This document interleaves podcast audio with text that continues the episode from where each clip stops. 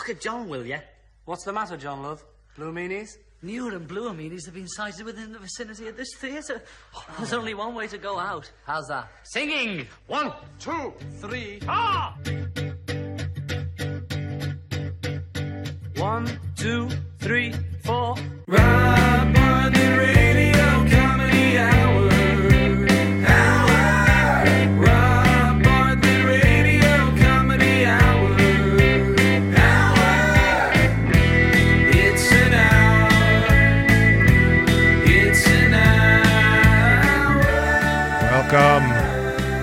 Boys and girls, at the Rob Bartlett Radio Comedy Hour. I am Rob Bartlett, and this is my Radio Comedy Hour. We got another great show for you this week, episode 42. Where does the time go? It seemed like just last week it was episode 41. Christopher Walken will be by with a preview of his new Broadway one man show. We'll hear from our old pal Bud Sperlo. We'll uh, give you an example of political correctness that's gone too far. And in the I Remember Imus segment, a reading from the Road Warrior Diaries, which was a journal I kept that was featured on the old Rob Show website. An hour by hour account of the various trips we took on the I-Jet to the remotes at some of the syndicated stations across the country. And we might have another song parody. But uh, first, Game of Thrones. Uh, I, I got to admit, uh, uh, I'm not on the Game of Thrones bandwagon. Never got into it. It just didn't trip my trigger, which, which is odd because you know I love all that medieval stuff, Excalibur and Knight Riders and Monty Python and the Holy Grail. I, I just never got obsessed over it. You know, like like I did for you know, Ray Donovan or or Barry or Veep or Ozark or Homeland or Happy Valley or Bodyguard or Umbrella Academy or well you get the picture. It's it's all it's all lost on me. Uh, but the internet went batshit when they found a coffee cup on the table in front of the Queen of Dragons in one of the scenes which is you know a pretty big gaffe um, I found out about it, like I find out about everything on Twitter. You know, that's that's where I get my news every day, five hundred times a day. Hashtag truth. so I went back and and you know I, I actually watched the episode to see what the what all the hullabaloo was about because uh, you know I wanted to see for myself and and son of a bitch, yeah, there it was, a modern day plastic coffee cup on like the banquet table, uh, which of course you know pissed off Greenpeace. they released a statement. Plastic pollution is jeopardizing human health and harming marine animals like whales and sea turtles at alarming rates. I mean, it just they use every opportunity. Well, well, how about the non-sustainable printing paper and the plastic and the ink cartridges used to print out that statement, Greenpeace? Huh? Huh? Answer me that. What I found most interesting was the fact that nobody said anything in the episode about the Domino's pizza box Tyrion was holding in that scene with Varys. I saw that. I don't know if you saw. I say I got an eagle eye for that kind of shit. I mean, normal, normally I love anachronisms, you know, in, in pop culture, like uh, like in the movie The Doors. You ever seen it? It's awful, awful, awful movie. Certainly not um, Oliver Stone's greatest hour. I mean, it's it's no platoon, no natural born killers, no Wall Street, no JFK, no uh, Mi Amigo Hugo. I mean, all the great Oliver Stone movies. In the movie, Val Kilmer, who plays Jim Jim Morrison, it's just it's worth it just to see him play Jim Morrison. It's like a it's like a bad Jim Carrey movie. Uh, anyway, there's a shot where Val Kilmer is sitting on a window ledge, and it's supposed to be 1971. And the shot you can see clear as day, the a billboard like in the background for another 48 hours, plain as day. Eddie Murphy, another 48 hours, 1971, which I don't think Eddie was even born in 1971. Back to the Future, that's another one. He goes back to 1955. You know the story. Um, and then he teaches the band at the prom Johnny B. Goode. He, he introduces rock and roll, so he gets credit for introducing rock and roll. He plays a Gibson E ES 345. Beautiful, beautiful guitar. But it wasn't introduced until 1958. Those of you who are vintage guitar owners saw that and knew that there was something wrong. Almost Famous, uh, which is that movie by Cameron Crowe, based on his real life when he, he kind of posed as a much older writer. He was in high school and he wound up being a writer for Rolling Stone magazine, went on the road with a band. Anyway, there's a party scene somewhere during the movie, and it's supposed to be 1973. And in the background, you hear Deep Purple, Deep Purple song, Burn. Well, that song wasn't released until 1974, man. Like, do your due diligence when you're doing your, your research for these movies. I'm sorry, I, I didn't mean to go all fanboy Trekkie style there on you, but uh, but the fans of Game of Thrones are are just as devout and impassioned as as the Trekkies are. I'm surprised they don't have a nickname like the Trekkies because there's so many of them and they're so so crazy. They should have a, a nickname like the Thronies or or the Gamies. Anyway, I'm, I'm immune to the frenzy about Game of Thrones, even though it's basically dragons and violence and tits. Oh my! There you go. There's there's a nickname for them. Titties. Game of Thrones fans should be called titties. Or maybe maybe you have a better idea. And if you have one, you should email us at Robio Radio Comedy Hour at gmail.com, which is how our stalker of the week, Peggy Mahafer, got in touch with us. She sent a little note of praise for the podcast. It's very sweet, very, very nice. It's actually a relief to, to have a female stalker, finally, because she joins Charles Indelicato and Rich Unger in the gallery of uh, Arabionados. That's that's a nickname I think I have for the radio hour fans. You know, like aficionado and Robio, unless you have a better idea. In, in which case, send us an email at R- Robio Radio Comedy Hour and give us a better name for Robio for Radio Hour fans. Peggy is also a Beatlemaniac, so she loves all the little obscure references and the movie quotes and stuff like that. She she pledged her her loyalty. She's going to tell her friends and family check us out here on the Rob Bartlett Radio Comedy Hour and spread the word. Get everybody to subscribe to the podcast, which you all should do. Those of you who are listening now, and then uh, leave us a nice review. And then maybe you know I'll mention your name during a podcast, and and you'll gain all the fame and glory you can handle for like a, a day or two, and then you can just go back to your normal, tragically limited life and boring self. By all means, I'd be quite prepared for that eventuality.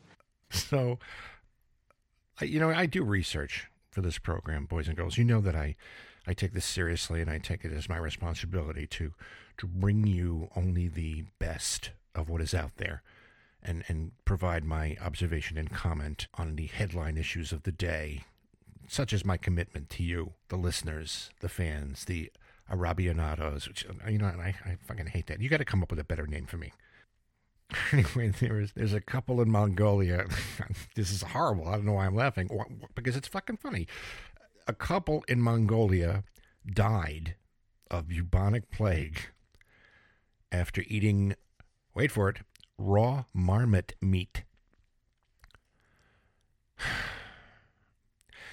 How many times do I have to remind you people to check those expiration dates?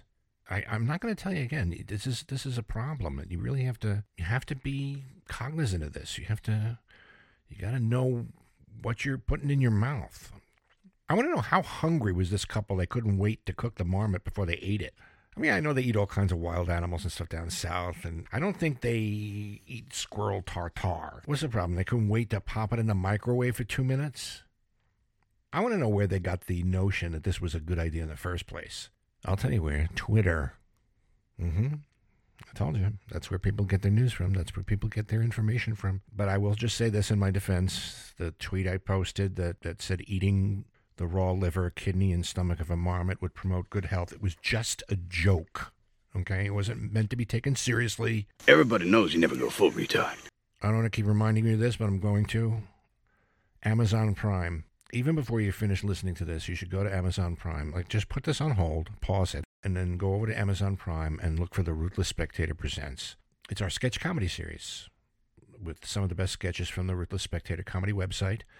The first season of Ruthless Spectator Presents is available. It's streamable and downloadable on Amazon Prime Video. If you have Amazon Prime, it's absolutely free. If not, it's just five bucks for all three episodes in the season, so you can have a mini binge. And the DVD, which was uh, only on pre order, is now available as we speak. So check that out.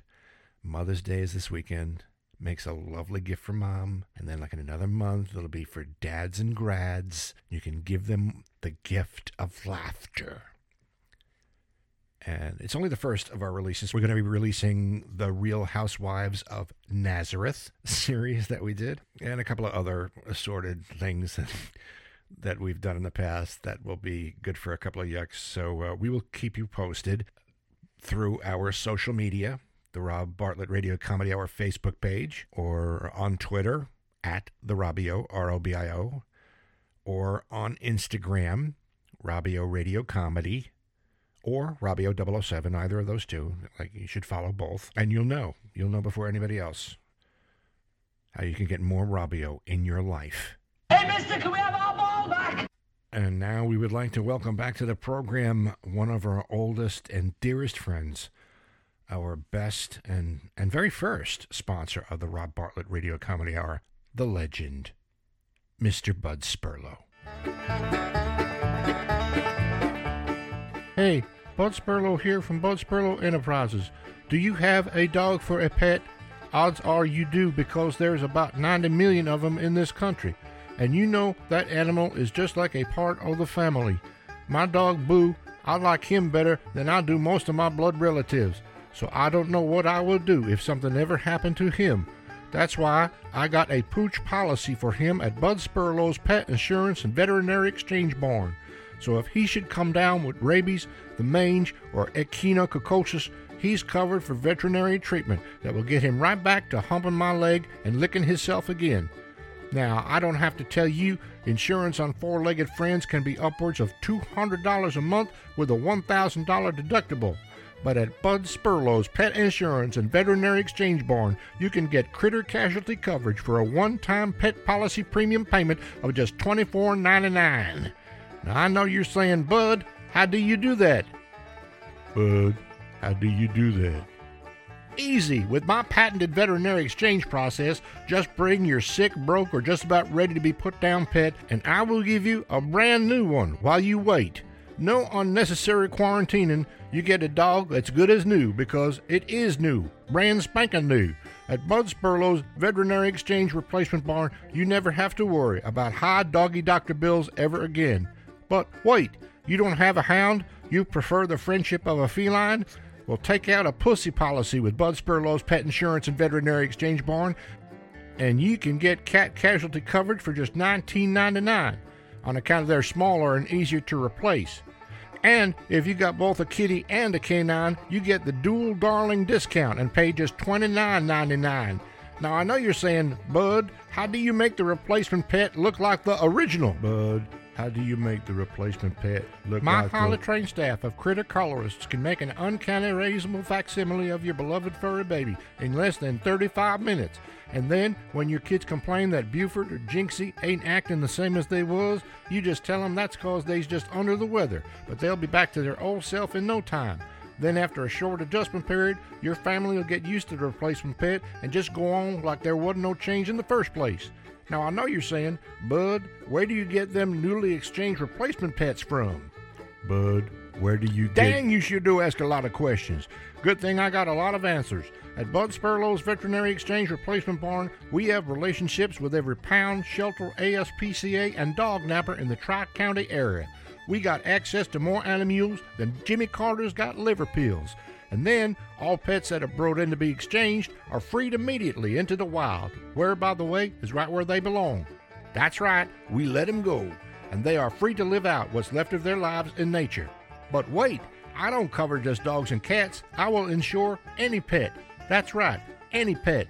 Bird, gerbil, hamster, guinea pig, goldfish, and the beauty part is they don't need any dressing up. Can you tell one goldfish from another? Heck fire no, nobody can. Maybe the birds and the rodents are different colors, but a shot or two of my patented pet paint and your new animal won't even recognize its own dang self when it look in the mirror. That's Bud Sperlo's Pet Insurance and Veterinary Exchange Replacement Barn, located at 329 Baylor Boulevard, just a half a mile before the off ramp of the Midas Peak Expressway, right next to Otis Spreewell DDS, relatively painless dentist, directly across from Sensei Bo Lancashire's Mixed Martial Arts and Brazilian Jiu Jitsu Dojo. If you see Boy Howdy's Eyebrow Threading Academy, you've gone too far. And remember, if you didn't bring your sick or near dying pet to Bud Sperlo's Pet Insurance and Veterinary Exchange Replacement Barn, you probably brought it somewhere else.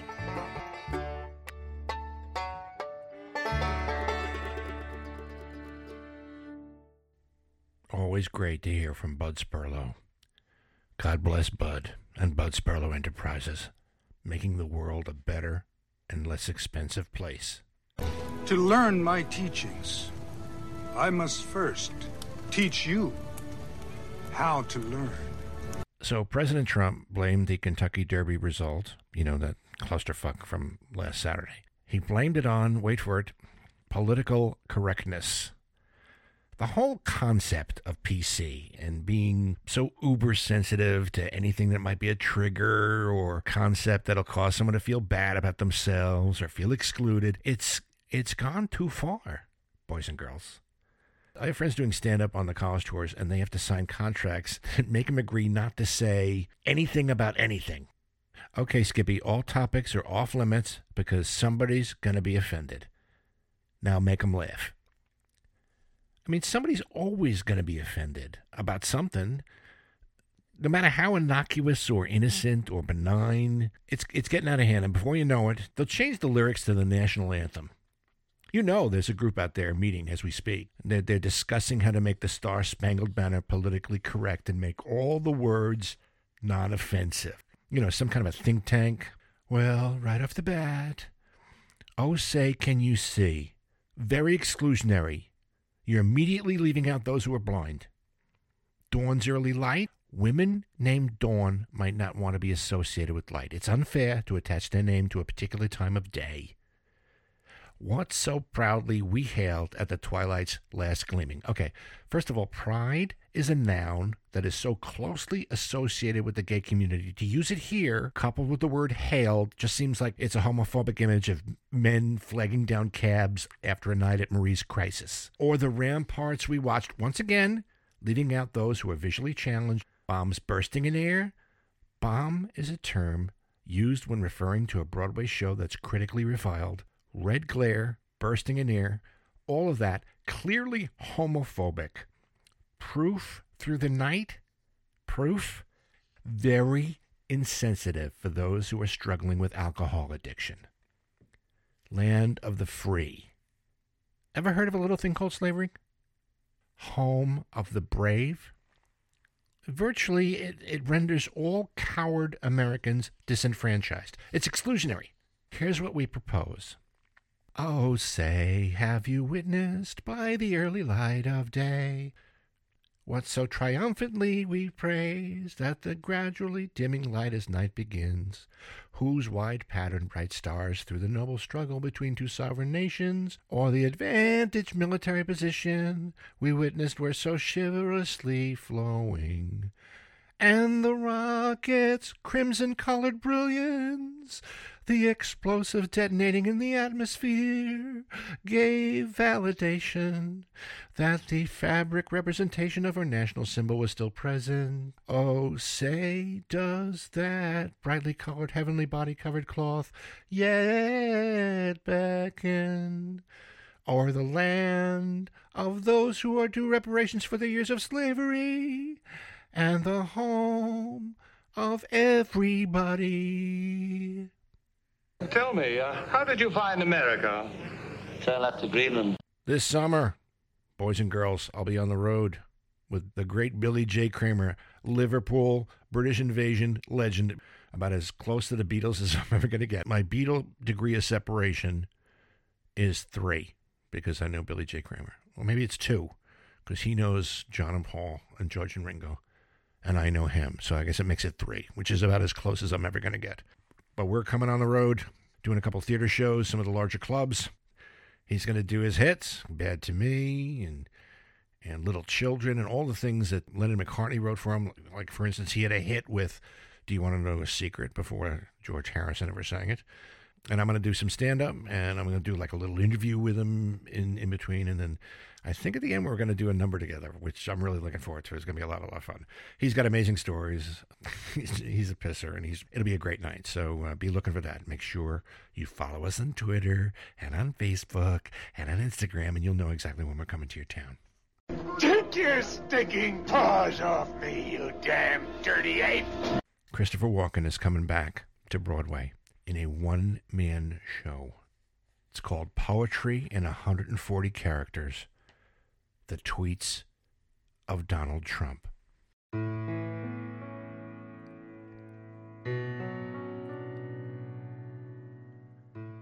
Meryl Streep, one of the most overrated actresses in Hollywood, doesn't know me, but attacked last night at the Golden Globes. She is a Hillary flunky who lost big. For the hundredth time, I never mocked a disabled reporter. It's crazy. Never do that. I simply showed him groveling when he totally changed a 16 year old story he had written in order to make me look bad. Just more very dishonest media. Sorry, losers and haters, but my IQ is one of the highest, and you all know it. Please don't feel so stupid or insecure. It's not your fault. Ariana Huff is unattractive both inside and out. I fully understand why her former husband left her for a man. He made a good decision. Why is it necessary to comment on Ariana Huff's looks? Because she is a dog who wrongfully comments on me. While Bette Midler is an extremely unattractive woman, I refuse to say that because I always insist on being politically correct. It's freezing and snowing in New York. We need global warming.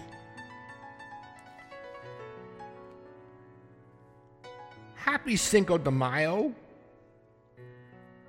The best taco bowls are made in Trump Tower Grill.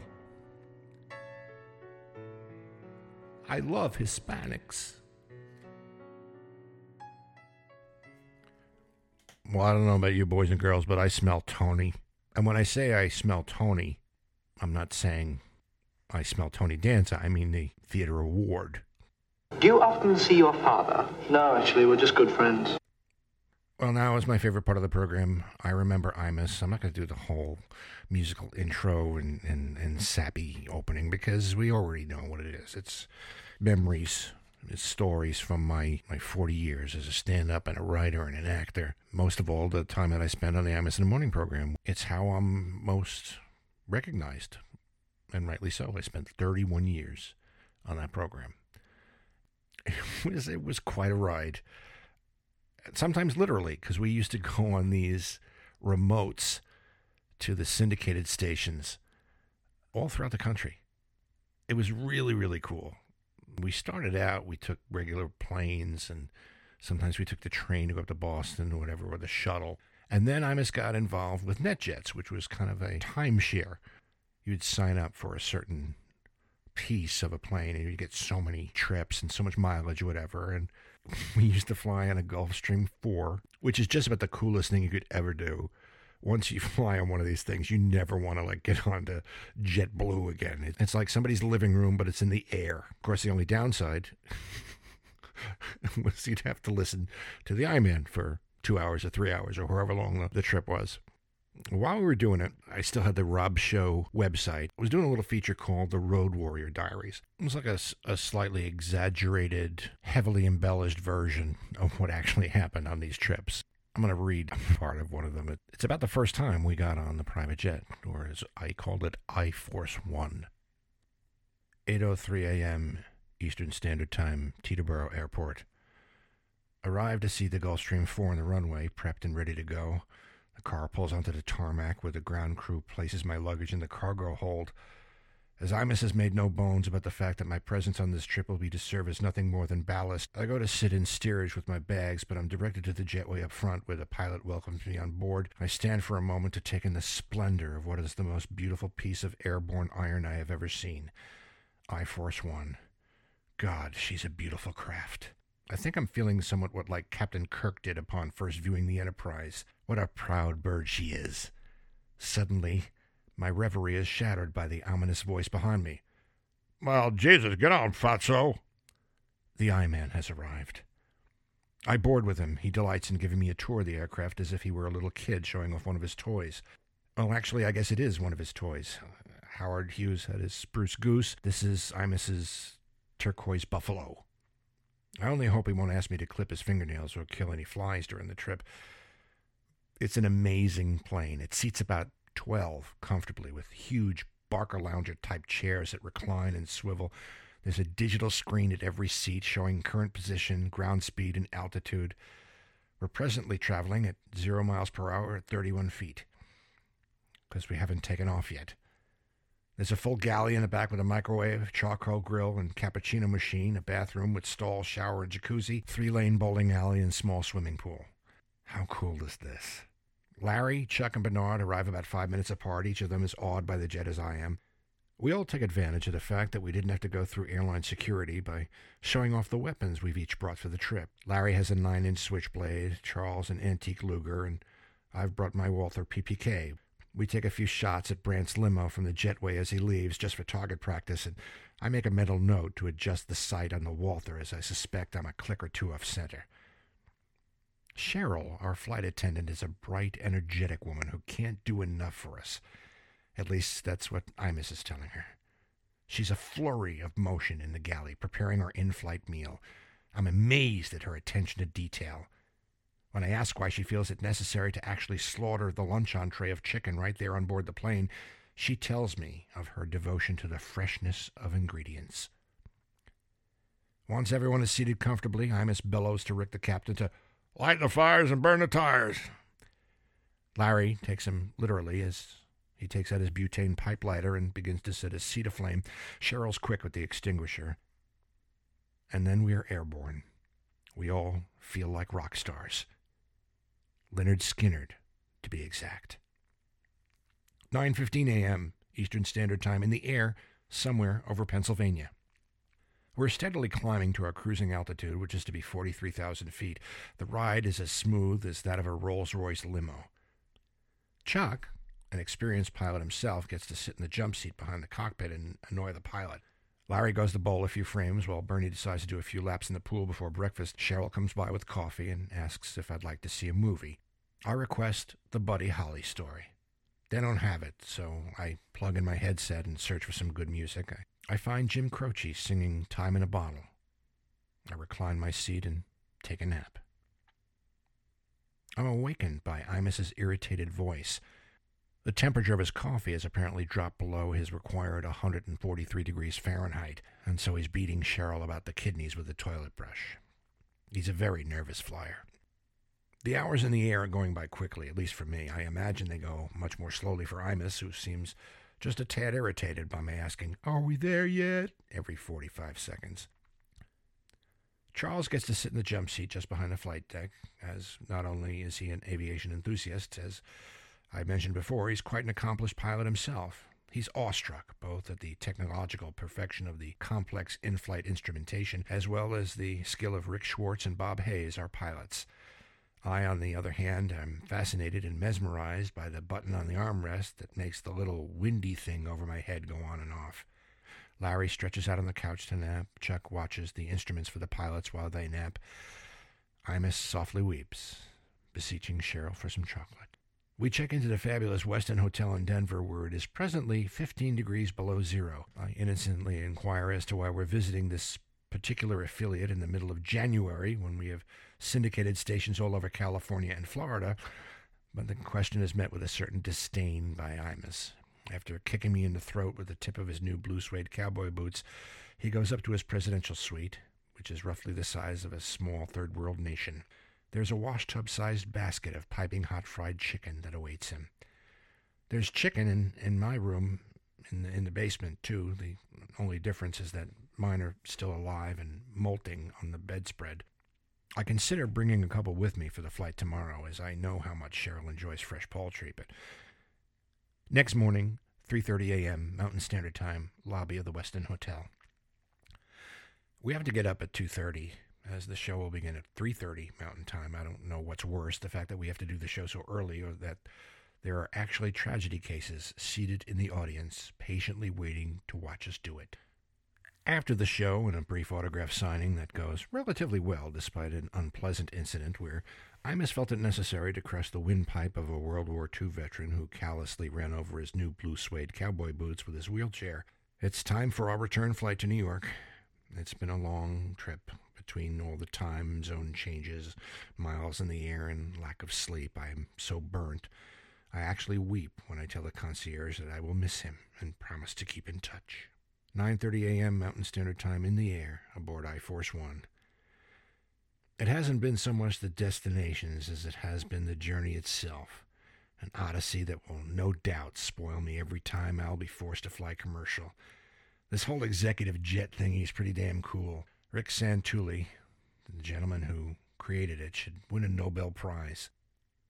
Once Cheryl finishes fixing us all omelets to order and fresh baked biscuits for breakfast, she'll stay busy in the galley preparing cracked Dungeness crab claws, grilled Pacific salmon and dill with red pepper polenta timbales, stir fried seasonable vegetables and sesame and ginger, and flourless chocolate mousse cake for dinner.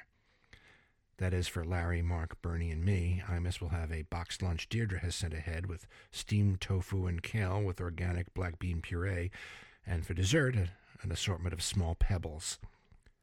Imus notices the chicken I'm bringing back for Joey DeFazio, a recording engineer back in New York, who used it as a sacrifice for his weekly satanic ritual. My guess is that the little clucker will end up in a fryer by the time we reach Idaho. Which, as I think about it, really is a metaphor for the entire trip. It's all about the food chain. I know there's pestilence, poverty, and hunger in the world, but boy, you sure can't see it when you're sitting in a private jet 41,000 feet in the air, traveling 600 miles per hour, sipping mimosas made with Cristal and fresh squeezed orange juice. It's good to be with the king, because once you travel in an executive jet, everything else is like the chicken.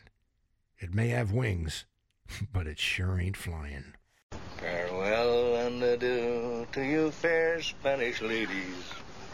Farewell and adieu, you ladies of Spain. For we've received orders for to sail back to Boston.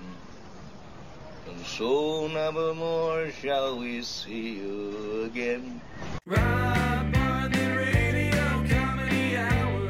Uh, you know what that means, boys and girls. Time to close the book on another exciting edition of the Rob Bartlett Radio Comedy Hour. I'd like to thank Christopher Walken for that dramatic reading he did. And of course, our good friend Bud Sperlo. Don't forget, I'm going to be on the road this summer with the great Billy J. Kramer, an evening of yucks and British invasion music. It's going to be a great night, so check out the Rob Bartlett Radio Comedy Hour Twitter account and the Instagram account, and you'll get all the info as to where and when we're going to be. Our program's produced by Gary Grant and me, Rob Bartlett, written by Andrew Smith and me, Rob Bartlett, performed by me, Rob Bartlett. The Rob Bartlett Radio Comedy Hour theme song composed by Gary Grant. No animals were harmed in the recording of this podcast. We'll see you next week, boys and girls, with another exciting edition of the Rob Bartlett Radio Comedy Hour. And until then, be good to each other. Won't you?